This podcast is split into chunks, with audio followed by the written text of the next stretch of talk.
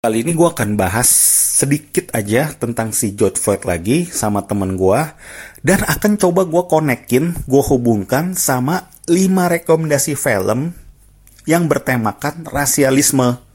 Ini nggak jauh-jauh sama kejadiannya si George Floyd. Dan beberapa judul yang gue denger dari temen gue itu, itu adalah film-film yang termasuk unfamiliar juga, beberapa. Jadi menurut gue ini tayangan uh, podcast yang satu jam ke depan lu jangan lu skip ya. Ini temen gue, gue aku ini expert banget film-film yang bertemakan rasialisme. Oke, gue akan rekomendasikan, lu dengerin. Two, three.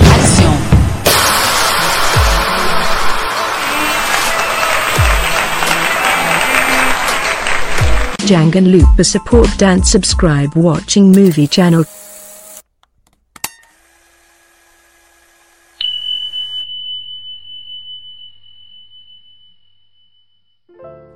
Halo Pak Gugus.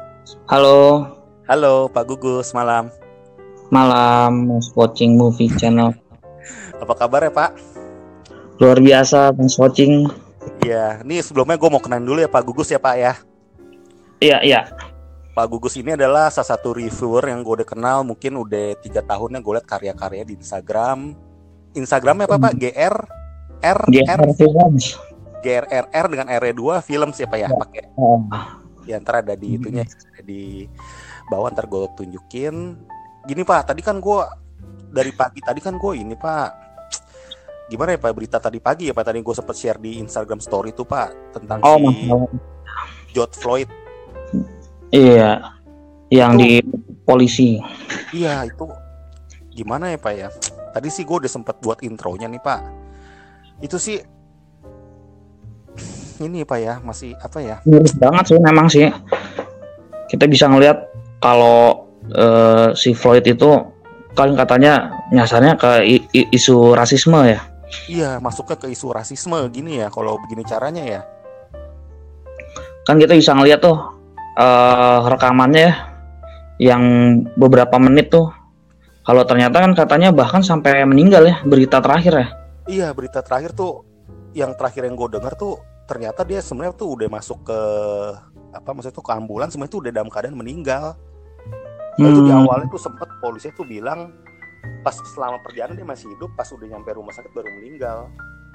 Itu suatu perbedaan yang cukup itu loh pak apa hal-hal kayak gitu walaupun bedanya sekilas cuma beberapa menit itu ngaruh pak kalau dia matinya di ketika di itu ya ketika di apa ya gue bilangnya tanda kutip dianiaya kali pak ya gitu ya. Iya itu sih jelas dianiaya. Cuman reasonnya tuh apa sih alasannya sampai si polisi tuh ngebekuk dia tuh? kalau yang gue baca-baca tadi gue baca dari berbagai sumber gue baca dia tuh diduga tuh melakukan pemalsuan pemalsuan suatu pemalsuan Pemalsuan apa tuh? pemalsuan dokumen atau apa gitu pemalsuan dokumen Hmm. berhubungan sama dokumen ada laporan dia melakukan pemalsuan deh pembayaran atau apa pun gitu deh pokoknya nggak urusan sebenarnya nggak terlalu besar nah itu pas ketika di polisinya nemuin dia pas mau dibuka pintu dia sedikit katanya tuh melakukan sedikit perlawanan kalau versi polisinya seperti itu Mm-mm. terjadi konfrontasi, terjadi debat tuh akhirnya sampai ditahan seperti itu Pak. Gue ada videonya bahkan dari posisi depan sama posisi belakang tuh Pak. Iya, padahal apa namanya kalau di Amerika tuh setahu gua ya, kalau ada orang tuh bersalah tuh dia punya yang namanya hak Miranda.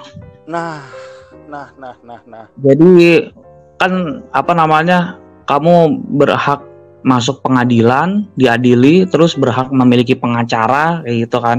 Iya, Bukannya yang langsung dihajar sampai nyawanya hilang ya. gila itu gue bingung kenapa nggak diborgol ya.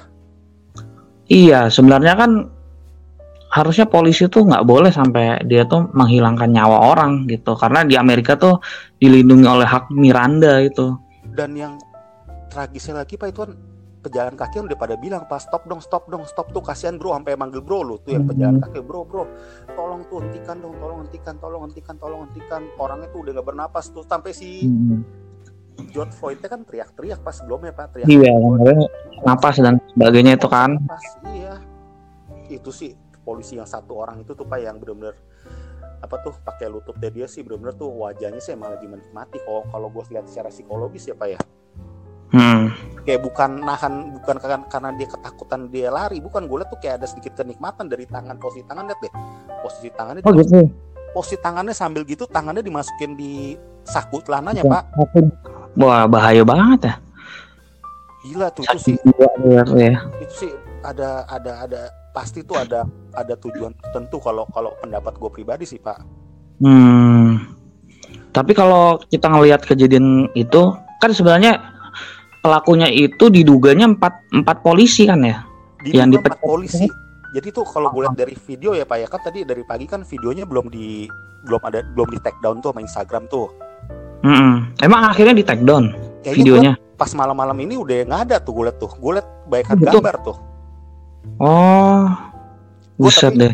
gue tapi sempet save sih tapi gue mau tayangin di YouTube juga. Kayaknya terlalu miris pak. Terlalu sadis pak. Jangan pak.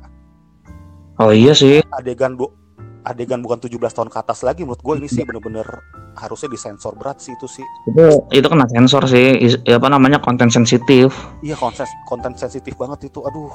Gue lihat pak dari posisi belakang itu tiga orang. Satu orang tuh ada satu orang tuh yang kalau kita dari video depan itu ngalangin pejalan kaki yang mau mendekat kalau dari Hmm. belakang yang kau gue lihat dari Bahkan tuh- apa Bahkan tuh kita ngelihat satu orang itu kan sebenarnya keroyokan padahal nggak nggak perlu soalnya si tersangkanya itu dia tidak melakukan istilahnya tidak kabur, tidak melakukan perlawanan seharusnya. Katanya sih melakukan perlawanan, tapi kan kalau ngeliat di video itu udah jelas-jelas udah jelas-jelas ketangkap banget gitu, Iya. udah jelas-jelas tidak berkutik. Malah ada tangkapan kamera tuh dia sampai bilang eh kalian tolong aku jangan cuma video. Dia sampai bilang gitu pak. Sempat Hmm. gitu katanya. Kok gue dari video di belakang tuh pak ya? Satu orang jepit kakinya pakai lutut satu di tengah kayak di bagian perut gitu satu yang paling sadis tuh yang di leher itu pak. Hmm, iya yang yang gue lihat sadis itu yang di leher tuh juga gue sendiri nggak tahan sih untuk ini. nonton banyak. Wah males tuh. Gila tapi ya gimana ya itu parah banget. Apalagi nih berita udah sampai internasional nih. Mencoreng banget sih. Iya itu sih. Itu wali kota kan langsung nggak berapa jam udah kan langsung kan buat pengumuman tuh. Dia sambil sedih-sedih gitu dia bilang sudah diresmikan dia dipecat empat orang tersebut dan akan diinvestigasi lebih lanjut. Tapi tuh Hmm. tetap ada protes itu warga. Minneapolis ya Minneapolis ya gue lihat ya. tetap melakukan aksi demo Untuk- demo besar-besaran iya untuk jangan cuma dipecat gitu Iya. tapi benar-benar adili adili yang benar-benar yang setimpal itu sih bener pak gue iya soalnya iya kac- kacau sih sebenarnya dan memang ini kan masuknya tuh ke isu rasisme gitu waduh itu sih apa pun apa pun alasan polisi nanti bisa diselidiki gue yakin itu ada faktor rasisme kalau menurut gue ya pak analisa gue ya Mm-mm. Mm-mm. Makanya kan karena dia tuh kulit hitam dan polisinya kulit putih gitu kan. Dan itu menunjukkan kalau Amerika tuh sampai detik ini masih ada istilahnya eh, politik apartheid itu masih sangat apa namanya sangat kental gitu. iya bahkan ada meme itu yang bilang gila di saat pandemi aja tetep loh nggak nggak istirahat juga tuh rasialisme katanya istilah kayak gitu pak Mm-mm. waduh gini pak jadi berhubungan sama kejadian itu nih pak Mm-mm. gue pengen nih nyangkut pautin kan gue tahu nih si Pak Gugus kan kalau lihat dari konten-kontennya kan menarik-menarik nih membahas kayak psikologi kayak nggak Oh iya, iya. membahas film-film tuh yang benar-benar dalam gitu loh film-film tuh yang benar-benar Hmm. ngangkatnya tuh bener-bener kayak ya, yang bener-bener yang berkualitas kalau menurut tanggapan gue sih opini gue gitu ya. Buat bapak bisa gue kasih pertanyaan nih pak sebutkan lima film ya ada gak rekomendasi lima film ya ntar bapak gugus tadi urutin dari yang kelima sampai ke satu film yang bertemakan rasialisme yang wajib wajib nih ya wajib kita tonton pak Yang ditonton gitu ya. nonton bukan karena kita karena kita suka gimana gimana enggak nih buat lebih ke ini aja sebenarnya ini arahnya sih supaya kita tuh semakin kita tuh di dunia ini bahkan ya semakin Hmm. sadar ya maksudnya tuh hal tersebut kan emang tidak baik ya kan film tuh dibuat Hmm. sebenarnya juga untuk apa ya maksudnya buat mengali eh, apa namanya memperbaiki hal-hal yang terjadi di dunia ini kan seperti itu kan pak ya Mm-mm. ada gak pak rekomendasi mungkin lima rekomendasi film bertemakan rasisme yang menurut bapak tuh layak tuh untuk kita tuh nonton tuh jadi kita juga mengilhami bahwa film itu emang layak untuk ditonton Untuk ditonton ya. Doh, pak dari urutan kelima ada gak pak Mungkin kelima nih gue jadi keinget nih ini film yang apa namanya? Ini film yang gue suka. Sebenarnya ini sebenarnya film yang gue suka tapi kritik sosialnya nih ini sebenarnya film yang tidak pernah ada di dunia tapi karena filmnya itu tahun 2018 ini ngenunjukin kalau ternyata rasisme itu masih ada di di Amerika khususnya Oke, gitu. Oke, jadi ini cerita fiktif ya, Pak ya? Vi- eh, cerita fiktif, Oke. sangat fiktif. Oke, Pak. Itu oke. Nah, Tapi kejadian tersebut sangat nyata dan benar-benar tuh kayak nyindir banget ya, Pak ya? Ini eh, komedi satir sih Oh, komedi dari satir, kalau nggak salah Ah, ah, sutradaranya. Apa Pak judulnya, Pak?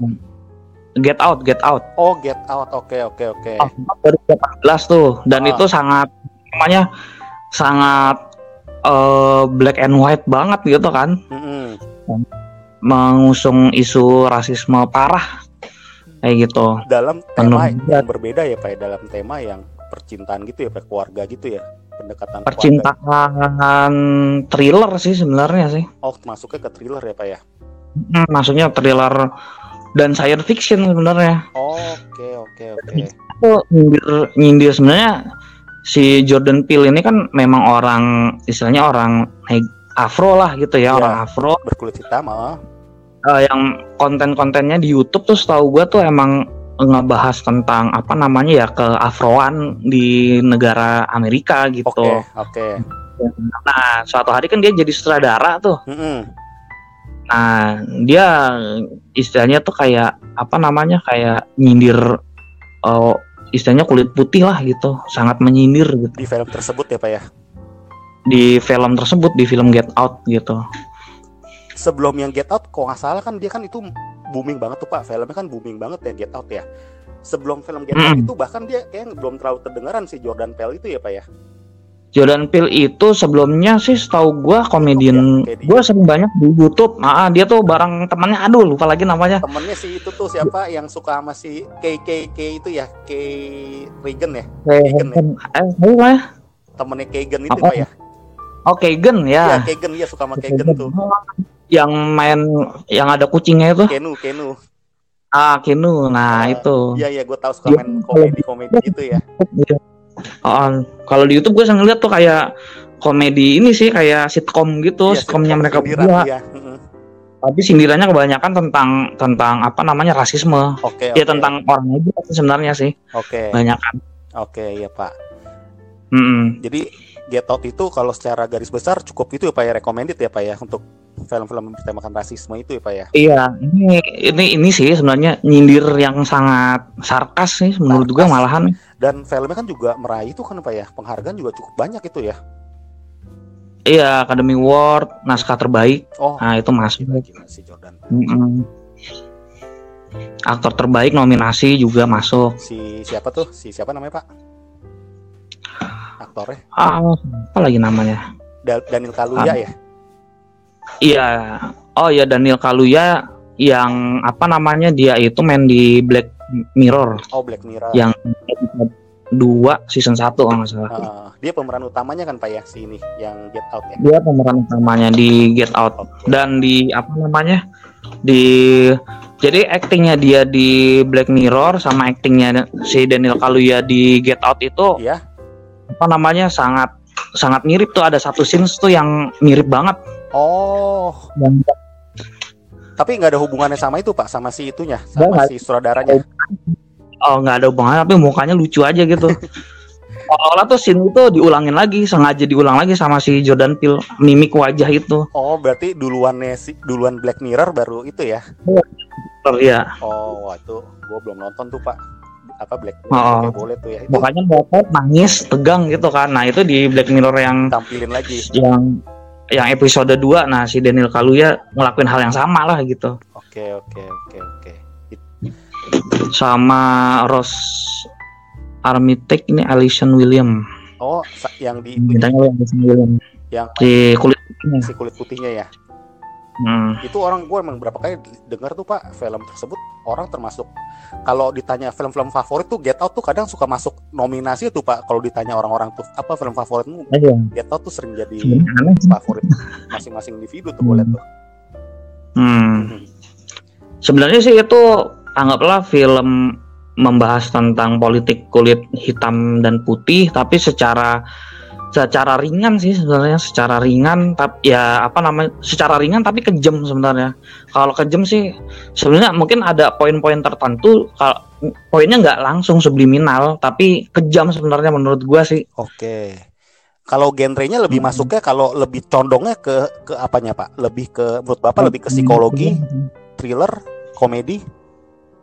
komedi thriller science fiction lah gitu komedi thriller science fiction Tapi kalau disuruh pilih satu apa Pak genrenya Pak? Paling tepat ya. paling tepatnya yang pertama komedi sih Komedi ya, tetap komedi ya. ya ininya komedi ya Oke, oke. soalnya sindiran tapi komedinya komedi ini ya komedi sindiran gitu loh Komedi sindiran ya. Ah, komedi satir Yang benar-benar bagi orang tuh cerdas banget ya Pak ya, dia bikin film tersebut ya.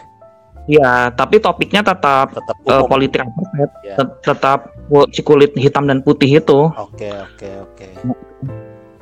Yang keempat apa mungkin Pak? satu oh langsung keempat nih Langsung keempat. Rekomendasi film menurut versi Mas Gugus untuk tema rasisme urutan keempat nih. Jadi ke satu nih yang paling ekstrimnya nih Pak ibaratnya nih Pak. Iya ini Get Out ini ringan Ah, tapi lebay gitu kalau Get Out itu istilahnya menceritakan kritikan yang secara ringan tapi dalam sebenarnya sih kritikannya ringan tapi tuh kena banget ibaratnya ya. makanya alurnya tuh komedi kan maksudnya Ah, bikin ringan. ketawa tapi di dalam ngenes gitu bisa. di dalamnya tuh ngenes ini loh orang kulit putih nih sebenarnya di Amerika tuh gini gitu Mm-mm. dari A sampai Z tuh begini gitu Oke, oke, oke. nah kalau yang keempat ah. keempat sih Green Green Book Oh, Green Book. Oh, itu siapa tuh? Pemainnya siapa tuh namanya? Eh, siapa tuh Woody Harrelson. di siapa namanya sama si Mortensen Iya. Si Ali siapa gitu ya? ha, Ma- Maher Salah Ali Iya, Maria Harrelson. Dia aktingnya juga bagus, Pak. Diam-diam tuh, Pak. Ah, itu bagus banget sama Viggo Mortensen yang jadi apa namanya yang di Lord of the Ring tuh Mm-mm. Main juga ya? Kan- Iya dia main juga Oke, sama si itu ya, Woody Harrelson ya? Woody Harrelson tuh yang film apa tuh Yang Green Book dia main gak sih? Enggak. Oh iya, si itu Viggo Mortensen lupa gua. Viggo Mortensen yang itu ya, eh, apa The Ring, namanya Lord of the Ring ya. ya Itu gimana, Pak? Kalau Bapak eh, bisa kasih sinopsisnya sedikit, Pak, Green Book. apa sinopsisnya sinopsisnya itu Apa sebenarnya kan itu kisah nyata tuh dari apa namanya Don Shirley kalau nggak salah Oke. Don Shirley itu kayak dia tuh pianis handal lah gitu ya pianis berkelas gitu Heeh. yang dia itu ingin melakukan satu apa namanya satu perjalanan keliling Amerika terhadap karya-karyanya dia gitu Betul.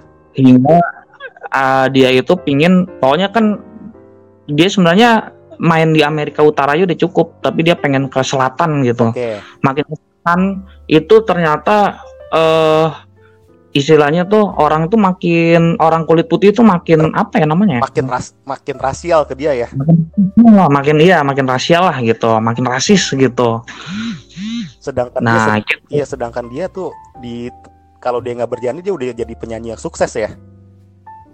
Udah sebenarnya sebenarnya dia sudah sukses, Dia sudah sukses. tapi memang kebanyakan dia konser-konsernya kan di apa namanya Amerika Utara aja kan Ah. bagian utara aja nah yang di selatan nih orang-orangnya belum open minded oke. terhadap kulit hitam gitu Ah. jadi parah banyak scene-scene yang menurut gua tuh ngiris sih bahkan saking ngirisnya si si supirnya Si itu supirnya. si Tony Lip dan ini banget masa kulit putih itu kan ras yang tinggi tuh di Amerika tapi di film ini justru si siapa Don Shirley-nya yang ras kulit hitamnya ini malah jadi yang paling tinggi Nah. nah si si Tony-nya malah yang jadi supir gitu Nah, kan Iya iya iya. Betul betul. sangat kontras banget tuh kontras menyindir dan ini kisah nyata loh ya Mm-mm. Itu juga meraih itu kan Pak ya? Oscar ya Pak ya dia? Meraih Oscar ya tahun berapa sih dia tuh 2000 eh, 18 ya kayaknya. 2019 ya. Oscarnya berarti 2019 kalau nggak salah ya. Best Picture ya kalau nggak salah. Iya betul. Itu dialognya sih emang menurut gue tuh antara dia tuh pak pas di mobil keren banget pak dialog-dialog dia pak berkelas Iya. banget itu. Hmm. Udah gitu kan sebenarnya apa namanya kocaknya itu si si siapa Ali. si Tony Lipnya itu orang Itali Nah, yang sebenarnya si Tony Lipnya agak-agak ini juga tuh agak nyebelin juga sama ras kulit hitam tuh sebenarnya agak sebenarnya dia agak agak juga dia itu awalnya mungkin karena dia butuh uang ya pak kalau nggak salah ya. iya cuma karena butuh uang waduh ada Terpaksa gitu ya.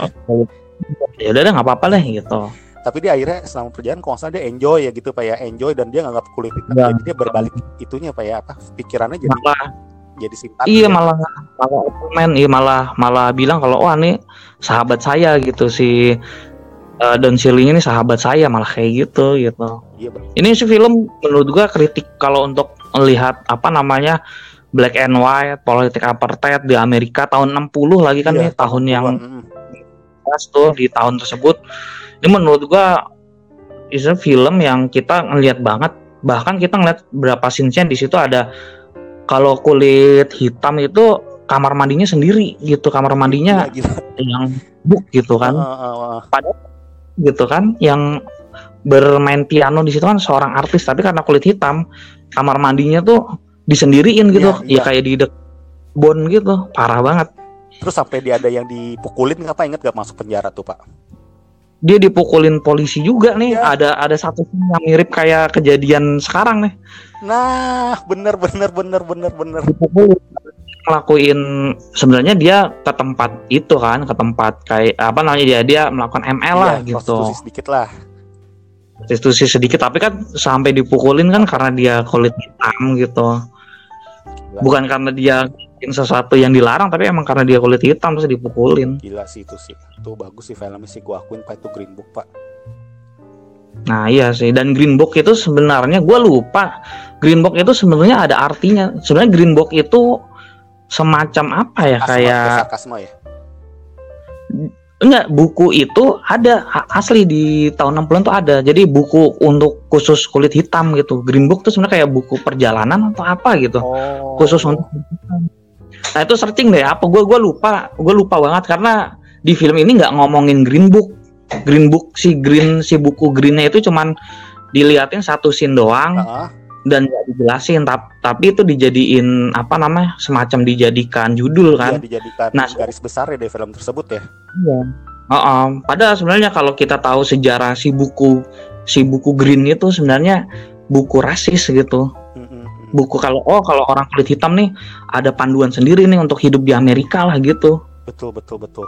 Tapi film ini kalau di Indonesia pak ya, kalau gue perhatiin gue tanya teman-teman gue beberapa orang ya, Hmm. banyak yang apa ya maksudnya tuh kayak nggak kayak nggak belum apa apa udah anti- udah kayak ke sana ah terlalu drama atau kesannya tuh kurang gitu suka ya kesannya ya belum nonton pun Oh. udah nganggapnya seperti itu kesannya orang Indonesia kan gitu kan pikiran belum nonton hmm. Karena menurut gua filmnya bagus gue juga ya nonton tuh hampir tiga jam kan alurnya filmnya kan kenapa hampir dua setengah jam kalau nggak salah ya filmnya ya 130 menit ya. Hmm. Wah nggak tahu deh kalau menitnya Itu- deh. Iya sih. gue inget kok gue nonton tuh gue enjoy tuh nontonnya walaupun banyak dialog filmnya tapi tuh berkelas menurut gue apa dialog-dialog ya Iya dialog-dialognya sih cukup berkelas, kontras Mm-mm. Dan kayak kebalik gitu. Maksudnya Iya dunia terbalik yang- kayak gitu. gitu. jadi atasannya jadi dia kesannya lebih rendahnya ya Iya. Kan Jadi agak miris juga ya. apa namanya? Kayak nyindir tapi nyindirnya udah dari menit pertama tuh Iya, nyindir iya, iya, gitu. iya. yang ibaratnya tuh kalau bahasa orang kulit putih nggak terelakkan udah dari awal lo harus terima seperti itu ya Iya, heeh. waduh itu rekomendasi yang bagus banget sih pak Green Book pak ini keempat bapak masukin ke poin keempat ya di filmnya ya Mm-mm. Oke, ada tambahan lagi Pak mungkin untuk film Green Book ini? Kenapa orang harus nonton Green Book kalau bisa ditanya gitu ya Pak? Sebutkan dalam satu Nah. kalimat Pak. Sebutkan dalam satu kalimat aja. Kenapa orang harus nonton Green Book? Apa ya? Kebalik gitu. Kebalik, oke boleh boleh. boleh. Kebalik itu boleh itu penasaran tuh orang. Kebalik ya. Itu satu kata. Ya. Nah, ini apa namanya? Si seseorang yang berasa hidup di kebalikan. Oke. Tapi dalam Ini nih ada satu di mana kebalikannya tuh kebalikan lagi si si dokter Donnya itu ngelihat sosok hitam yang jadi budaknya juga di sisi lain gitu. tapi kalau kita Gitu. kalau kita runut ke kejadian nyata Pak ya atau maksudnya tuh kejadian nyata di dunia ini hal, hal seperti di Green Book itu banyak gak Pak sebenarnya Pak? Di kejadian Kehidupan nyata, nyata, kehidupan nyata hal seperti Oh, itu sebenarnya masih dikit. gua Pak, nggak ya. Nggak pernah nemu sih yang begitu sih. hampir nggak Biasanya kalau orang kaya kaya aja kayak. apa? Kayaknya kalau ada orang kaya ya kaya aja gitu. Maksudnya nggak pernah. Kalau di Indonesia nggak nggak pernah ketemu sih. Kalau ada orang kaya nih, bahkan memang dia tuh dari keturunan orang kaya, ya kaya aja hidupnya. Nggak akan mungkin tiba-tiba dia jadi supir gitu. Jadi supir orang miskin jarang sih. Iya ya. Nggak pernah ketemu. Tapi kalau dalam kehidupan nyata ini Pak, orang kulit hitam terus punya bawahan kulit putih itu sebenarnya dalam kehidupan nyata kayak kejadian di Green Book itu banyak gak Pak? Komut Bapak? Kalau sekarang sih mungkin banyak kali ya. Mungkin masih mungkin saat saat ini ada kali Pak seperti itu ya, banyak ya juga ya. Tapi salah satunya ada sih iya, tapi gua nggak tahu siapa. Pasti ya ada lah, pasti ada gitu. Oke. Jadi kalau dalam satu Mm-mm. kata bisa disebut kebalik ya Pak ya, kalau Green Book ya Pak ya. Satu kata kebalik. Kalau kalau iya, tadi apa Pak? Sorry, Get Out gue belum minta satu kata nih Pak. Kalau satu kata, kenapa harus nonton Get Out? Apa apa satu kata? Satu katanya eh, nyindir sih. Apa? Nyindir parah sebenarnya. Nyindir parah. Nyindir parah. Oke oke, udah cukup nyindir parah ya. Iya. Oke. Ketiga Pak, rekomendasi film tema rasisme Ya. yang harus kita tonton. Eh, film ketiga sih salah satunya yang gua terakhir pernah review juga tuh di GRR itu If Bell Street Talk. Nah, itu tahun 2018. Itu gue pernah lihat sih itu kelam sih Pak dari posternya sih Pak gue liat Pak. Nah, itu kelam tuh dan itu ada isu rasismenya besar sekali Coba gitu. Pak, sinopsis singkatnya Pak.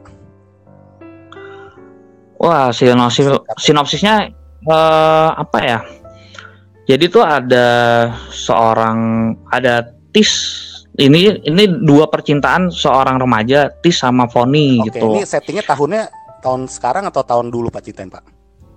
Tahun hmm, ini udah berapa tahun ya? 80-an kalau nggak Oh, salah ya. 1980-an cerita settingnya ya. Iya, 80-an Oke. deh. Singkatnya lagi. Tujuh 70-an malah. Ini malah 70-an, Oke, Deng. Ini 70-an. dari Kisah nyata? aku baru nemu ini James Baldwin Kisah nyata gak? dari novel. Novel. Oke. Hmm. Novelnya James Baldwin 74. Jadi dia Nah, berarti kan 70-an kan? bulan diadaptasi Jadi- jadi novel ya Pak ya. Oh, oh, intinya ada dua orang, Siti sama Foni yang saling mencintai dan lain sebagainya. Tiba-tiba eh si siapa tuh si cowoknya itu di apa namanya di penjara gitu. Oke. Karena karena apa namanya eh, nggak dia tuh sebenarnya nggak nggak melakukan sesuatu yang yang dianggap apa namanya nggak melakukan sesuatu yang Melanggar. yang kriminal Yang melanggar ibaratnya. karena dia ya karena dia kulit hitam kemudian dia di penjara gitu Oke. nah di poin itu si ceweknya itu udah hamil gitu dan apa namanya ya sedih gitu maksudnya eh, si kulit hitamnya eh, kan keluarga-keluarga negronya kan jadi kayak apa namanya kayak nggak rela kan Hmm. berjuang untuk gimana caranya tuh si si siapa kalau nggak salah si Tisnya itu untuk untuk bebas dari penjara tapi tapi nggak bisa bisa gitu karena dia kulit hitam kalau udah kulit hitam pada tahun segitu udah Kalau dari tingkat eh, ekonominya, Oh, udah, lo- tingkat ekonomi kayaknya sama atau emang cewek lebih tinggi Pak kalau di sana? ah kalau tingkat ekonominya sebenarnya mereka berdua mereka mereka berdua itu sama-sama apa mereka berdua itu sama-sama punya ekonomi yang layak Oh, sebenarnya.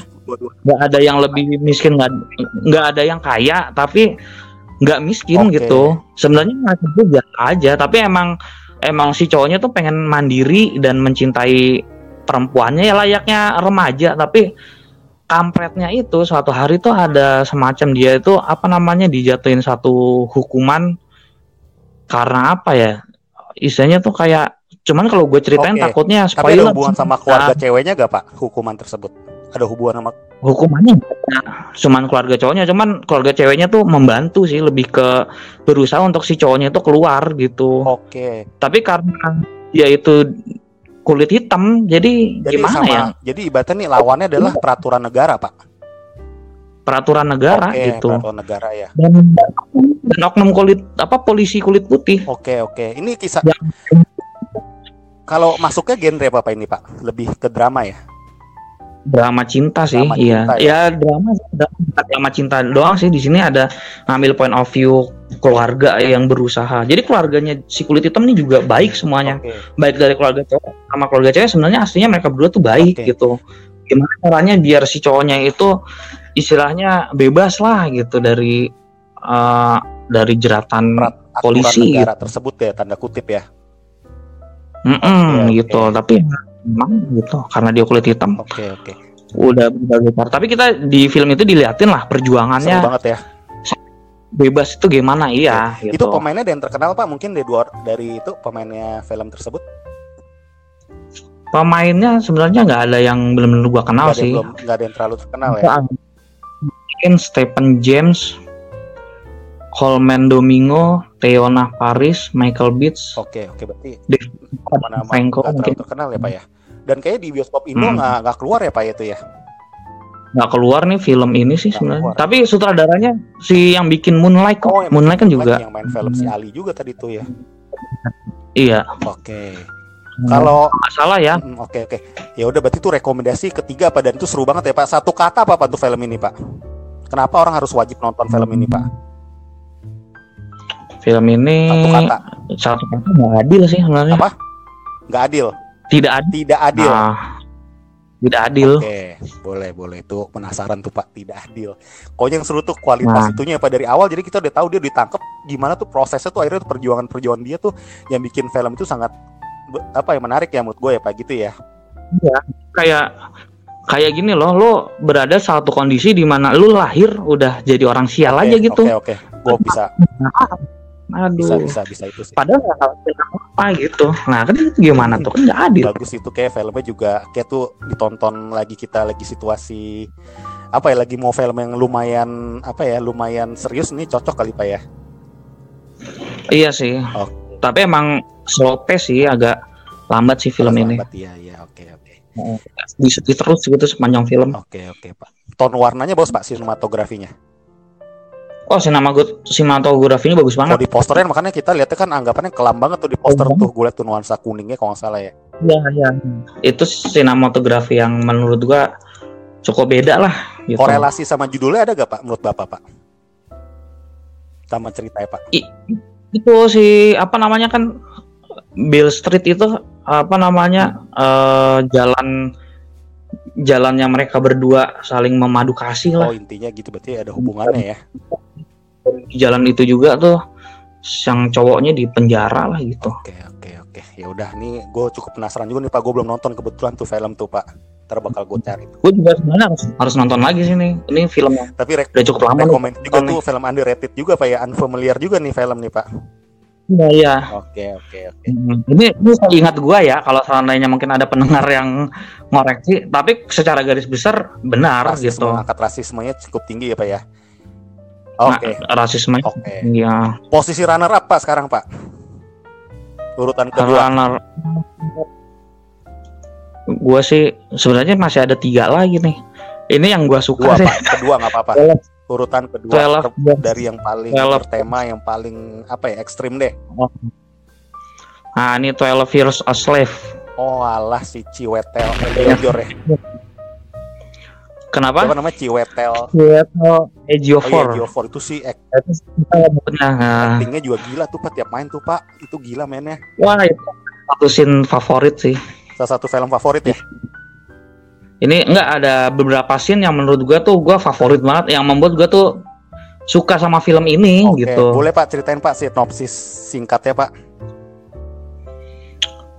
Dia tuh sebenarnya eh, orang bebas sih apa namanya orang negro yang bebas. Nah zaman dulu ini tahun berapa ini tahun udah jadul banget apa namanya settingannya? 90-an tahun zaman kerajaan kali eh zaman apa namanya zaman cowboy Oh, kali ya berarti 19-an ya 19-an awal ya kali Pak ya 19 an awal mungkin 18an mungkin malah kisah nyata Tapi gak Pak Ini kisah nyata. Oke, kisah nyata. Ini ya. jadi ini adalah film yang ditulis oleh si si siapa namanya? Si tokoh utamanya langsung, Oh, si Ciwetel ya? bukan bukan si Wetelnya, si Solomonnya, Solomon North. Jadi si Wetel itu memainkan Solomon North Up. Heeh. Nah, misalnya itu yang nulis si Solomon North Up-nya langsung Ketika dia gitu. hidup. Ketika dia hidup, Oke, dia ah, tuangkan ah, di buku. dituangkan di buku. Jadi ini buku sudah tua sekali gitu, buku yang sudah sangat Terus tua. diadaptasi sama sutradaranya berarti dari nyata banget ya. Oh, oh, intinya tuh gitu. Jadi dia itu sebenarnya apa ya? Jadi zaman itu yang nam kita terlahir sebagai kulit hitam itu udah jadi apa namanya kayak nggak bebas lah gitu. Jadi sosok manusia yang tidak bebas sehingga pembebasan orang semacam perlu legitimasi gitu. Nah kebetulan si Solomon Northup ini manusia bebas, free man tuh sebenarnya Oke. gitu. Hitam ini sebenarnya eh, free man, tapi karena ada suatu hal dia dijebak sehingga dia itu jadi budak gitu. Intinya di Amerika pada masa itu sama kita kulit hitam kita itu bisa semena-mena jadi budak lah gitu. Kita bisa disemena-menai menjadi budak orang kulit putih. Nah gitu. Oke, jadi yang bikin seru itu adalah perjuangan dia ketika dia jadi budak kayak itu, Pak. Gimana?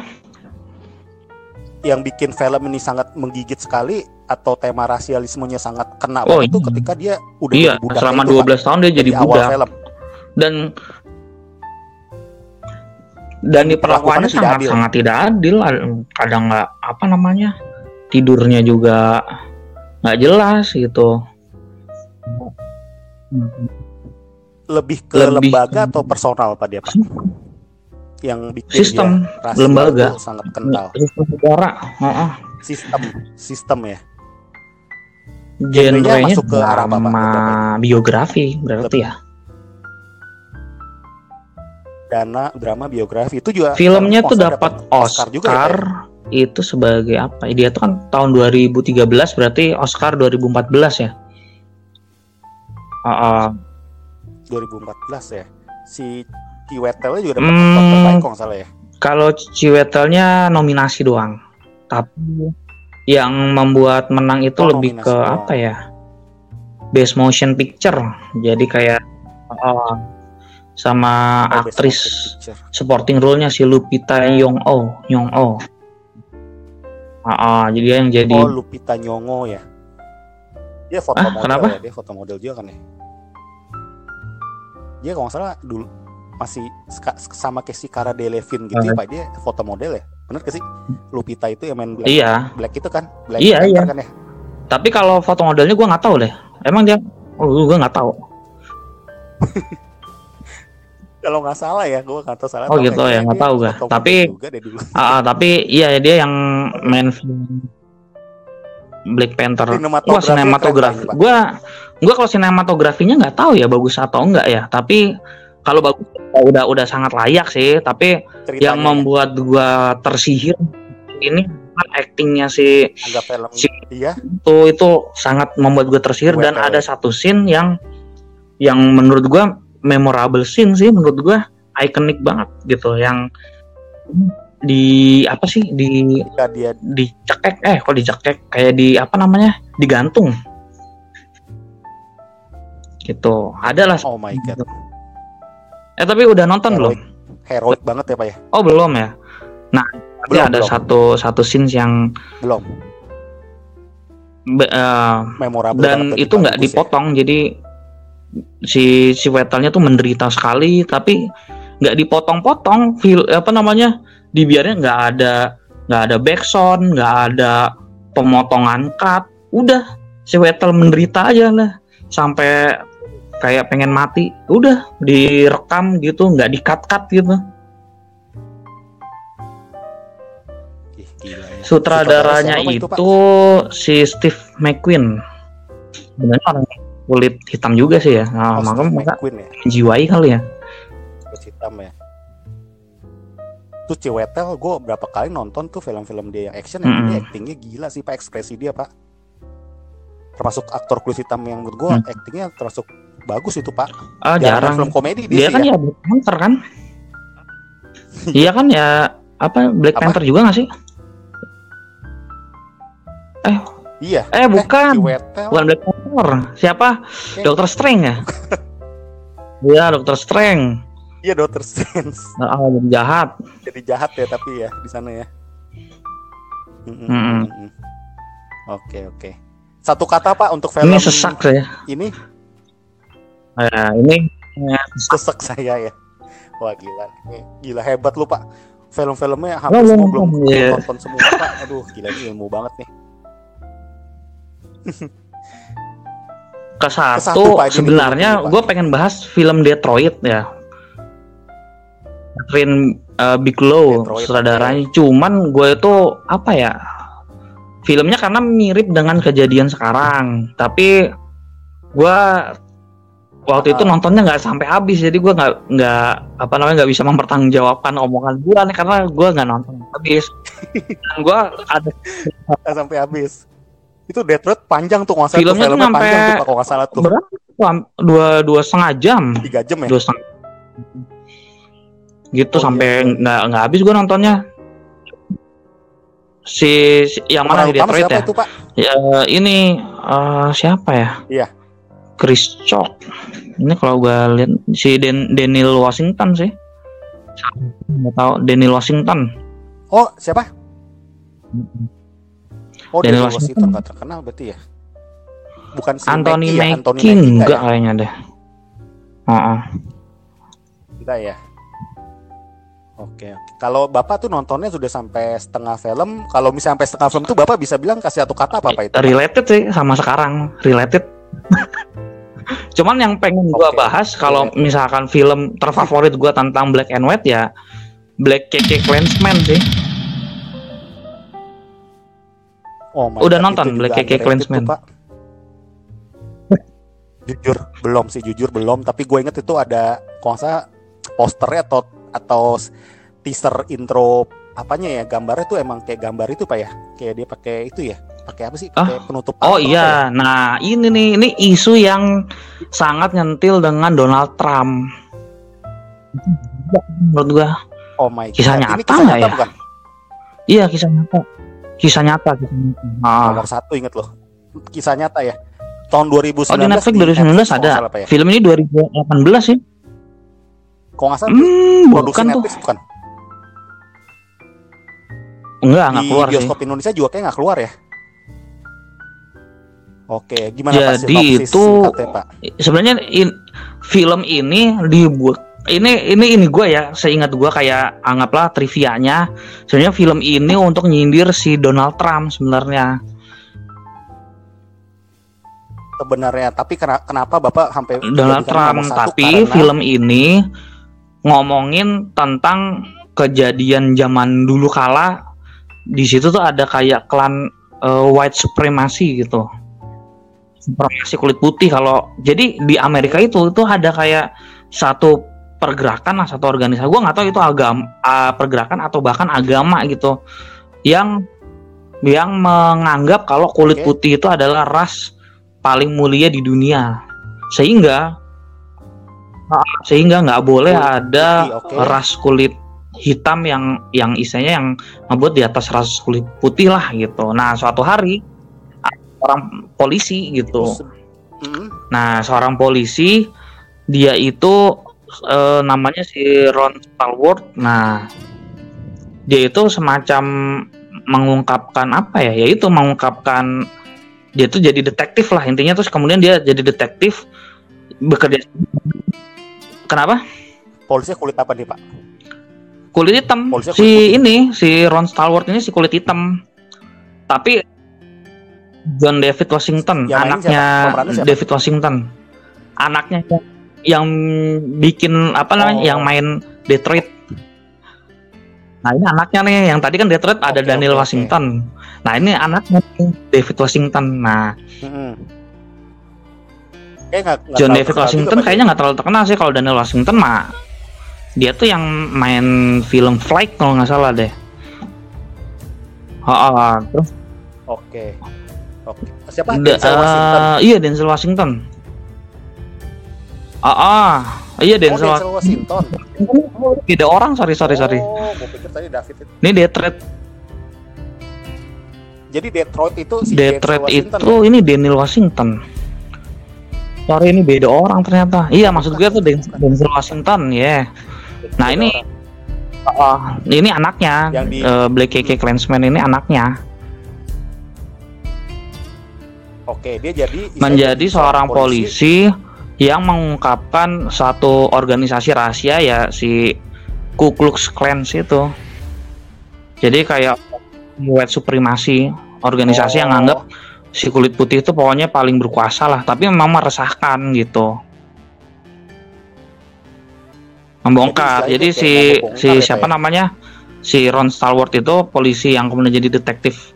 Itu walaupun dia kulit hitam kemudian dipercayalah untuk membongkar satu organisasi rahasia.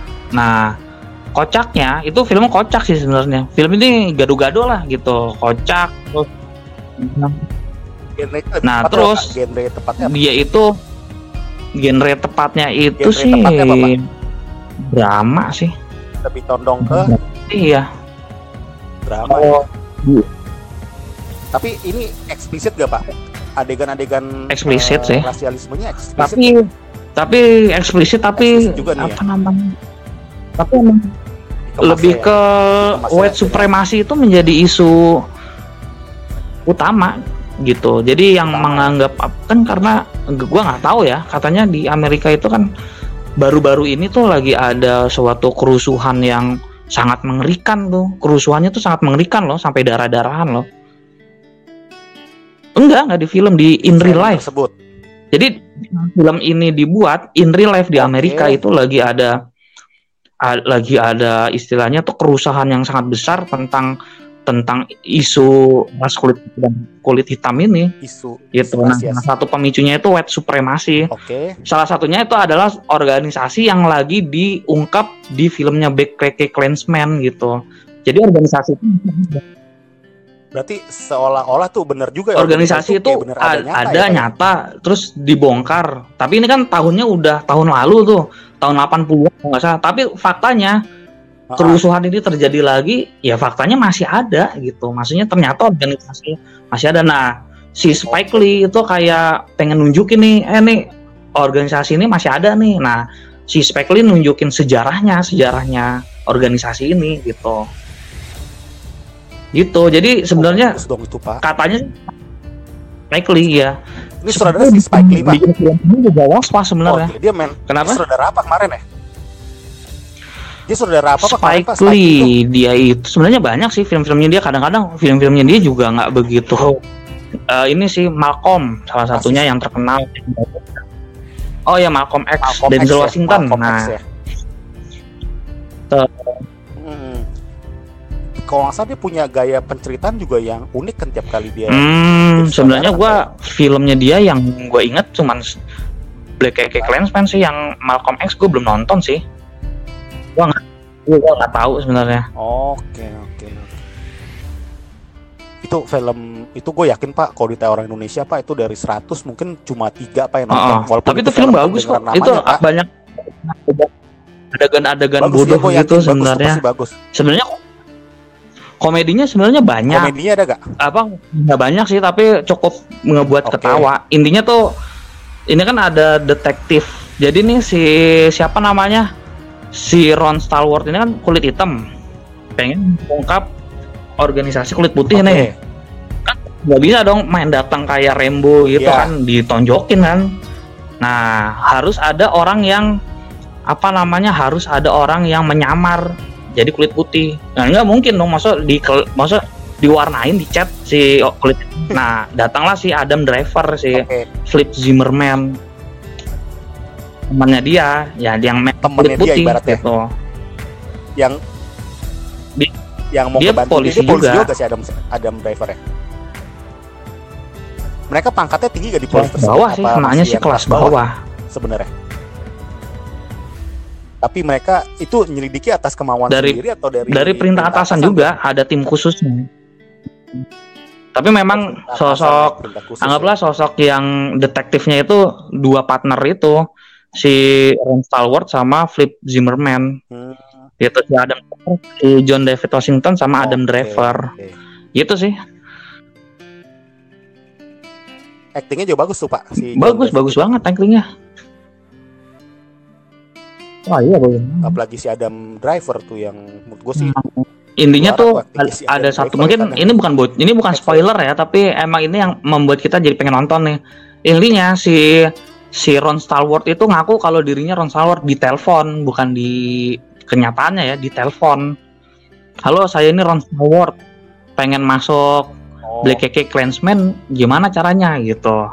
Dia tuh keceplosan gitu, salah ngomong. Nah, kan pusing kan? Oh, lah lu ngaku diri lu Ron Stallworth emang lu nya sendiri bisa masuk ke organisasi tersebut? Oh iya kan gua kulit hitam ya nggak bisa ya? Iya makanya. Nah akhirnya si Adam Driver pura-pura jadi Ron Stallworth gitu. Pura-pura jadi temennya gitu. Nah ini jadi kacau gitu di film ini. Emang jadi kacau tapi seru sih. Ya, ada eksekusinya juga. Seru wah itu sih. Kebayang pak. Gitu. Kebayang pak gue pak. Actingnya si Adam atau si itu yang lebih bagus? wah dua-duanya sih bagus kalau harus memilih mah bingung gua bagus banget sih Kayak bapak belum itu ya? Belum di review ya? Belum di review film ini kayaknya. tapi ya? di Instagram di Instagram Oh udah ya sempetnya. Instagram ya. Wah kayak menarik tuh kalau gua habis nonton kayak kan enak investigasi dia kan gaya ini. ceritanya investigasi gitu kan nah gua tuh film-film thriller gitu. Memang drama sih tapi unsur-unsur investigasi d- eh, kedetektifan mencari Komedi nah itu gue ya, suka banget sih ya, Black ya. Dan di ending di ending itu ada satu Oh bagus tuh kayak tuh. istilahnya tuh ada satu kayak mungkin after credit kali film ini nggak ada nggak ada sequel tapi Ada ada, juga. after credit dan itu satu after credit yang dipersembahkan Spike Lee lah gitu untuk Penting. untuk dunia kalau yang namanya apa Buat namanya yang masyarakat. namanya America Dreams itu masih sangat jauh gitu dan itu kalau kalau politik hitam putih Amerika. di Amerika tuh sampai detik ini masih masih sangat ada gitu iya nah itu kental ya. Dan dia emang salah satu berarti ya kayaknya sih bukan sih nggak ya? tahu deh Hmm, Oke oke oke. Satu, satu kata pak untuk film ini pak. ya organisasi rahasia kali Iya. Kata kuncinya organisasi rahasia ya. oke bener sih penasaran juga sih pak itu pak. Wah tuh film-film ini berkualitas semua nih pak yang dia lima buah film Get Out. Terus ada? Get, Get Out If Bella kelima Get Out uh, Street keempat Talk yang Queen. terus Green Oke. eh Green Book dulu ya Green Book dulu ah, apa? If Bella apa Green namanya Book, Street ketiga Green Cool Book. Talk terus abis itu eh tadi 12 Years of Slave Terus satu setengah tadi Detroit lah kita Ah, ngomong kalau Detroit udah nonton? Satu setengah Detroit ya. Oh iya, terus Belum, terakhir ya belum. itu Black KK Clansman. Judulnya Iya. susah-susah semua apa kecuali Dari enam itu yang ya? udah lu tonton yang mana? Get Out ya. Oh Green Book ya. Green Book doang pak gua. Iya, itu bagus. Gue demen film kayak gitu. Cuma emang kalau kan gue suka komunitasnya teman-teman kerja atau temen yang suka ngobrol-ngobrol gue tiap hari kan emang suka ngomongin film juga. Emang film-film gitu mereka emang bukan tipenya sih gue akuin kalau Wih, ngobrol emang masa? tipe Pak Gugus kok kayak gini nih. mereka rata-rata tahu lah kita orang-orang yang umum saya Hmm. drama paling thriller action fantasi kayak gitu paling kalau tema-tema kayak gini nih kayak Hmm. dokumenter masih agak Yang jarang ngomongin. biografi gitu jarang ya. temen tuh yang suka dokumenter sama film-film seperti ini Hmm. masih jarang betul oke pak udah hampir satu jam pak kita ngobrol-ngobrol pak Makasih banyak. makasih banyak ya pak ya makasih banyak nih bener-bener ilmu juga nih ilmu sekaligus juga rekomendasi bener-bener eh, menurut gua ini layak ya. Maksudnya bukan layak apa tuh? Yang bener-bener tuh hidden hidden hidden hidden games nih Hmm. pak hidden games yang orang harus tahu sebenarnya nih pak. Film-film ini walaupun Hmm. emang film-film bagus dan terkenal pak. Dan related sekali lagi kita pesannya deh pak. Pesan terakhir pak untuk kayak kejadian sama si Pesannya George sih, itu, Pak. Pesannya, Intinya di negara mana pun tuh di wilayah mana pun deh, pokoknya mayoritas sama minoritas itu nggak bisa dipisahkan ya, pasti ada ya.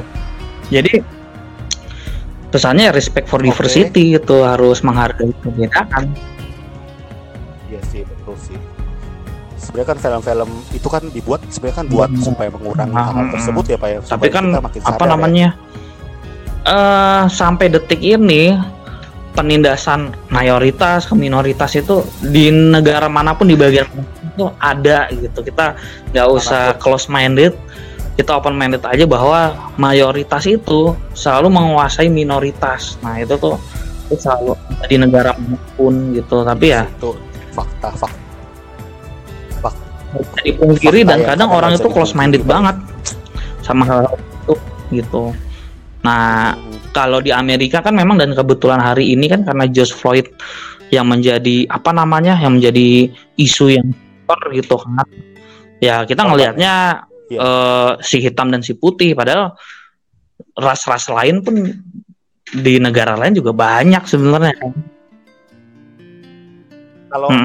kalau kita ngambil sikap nih Pak ya, ada gak pasti sisi positif dari polisi tersebut Mas? Kan kan semua kan hampir 100% kan berkata bahwa bukan karena polisi ya, karena orang yang melakukan hal tersebut kan emang nggak pantas ya digituin ya, maksudnya nggak pantas ya apa eh, kejadian tersebut. Tapi ada gak Pak hal positif ataupun hal yang sebenarnya tuh yang bisa, maksudnya tuh yang bisa tuh eh, sisi positifnya dari polisi itu ada gak menurut menurut Nggak ada menurut gue sih ya? nggak Ada lah? Kalau dari kalau jangan kan dari berita dari gambar pun bisa dikatakan tidak ada sih ngapain maksudnya ngapain dia kayak begitu kan aneh kan Iya sih. Nggak ada, nggak ada. Menurut gue sih juga gue analisa tadi kalau gue pencari sisi positif. nggak ada nggak ada sisi positifnya. itu udah salah. Secara SOP salah. Disebutin Fatal, gitu kan. Fatal, malah ya. disiksa. Maksudnya di bahkan saat kita menembakkan sebuah pistol polisi itu setahu gua ya itu pun ada ada aturannya gitu.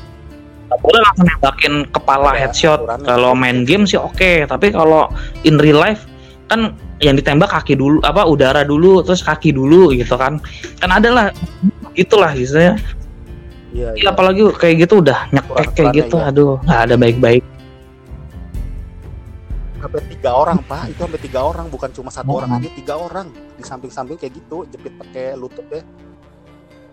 Aduh. Oke pak, aku makasih banget ya pak ya untuk ngobrol-ngobrol kali ini pak ya. Iya. Sangat topiknya sangat berkualitas. sempurna lah gue yang minta maaf banget Apa? ya tidak sempurna Enggak, enggak apa-apa. Oke. hasilnya bagus ya terekam suaranya ya Pak ya. Thank you Pak ya. Jangan lupa ya kalau misalkan kalian mau follow, jangan lupa nih ini master. Gue nih master review film di Indonesia. Kata-katanya semua ulasannya tuh benar-benar bagus ya menurut gue ya nggak ada tuh namanya tuh spoiler semua tuh berada tuh posisi tuh kita baca ulasan Mas Gugus tuh berasa tuh jadi makin penasaran nggak ada kepikiran nih film gimana tapi makin penasaran pada film yang dibahas sama Gugus. kalau mau Instagram gue GRR Films kalau podcast di Spotify ya Oke. gugus podcast oh ya sukses juga nih buat watching movie lah pokoknya selalu Sukses. sukses di YouTube Oke, makasih Pak Oke. Ini sambil belajar Pak ya Pak ya. makasih banyak Jangan lupa support dan subscribe watching movie channel.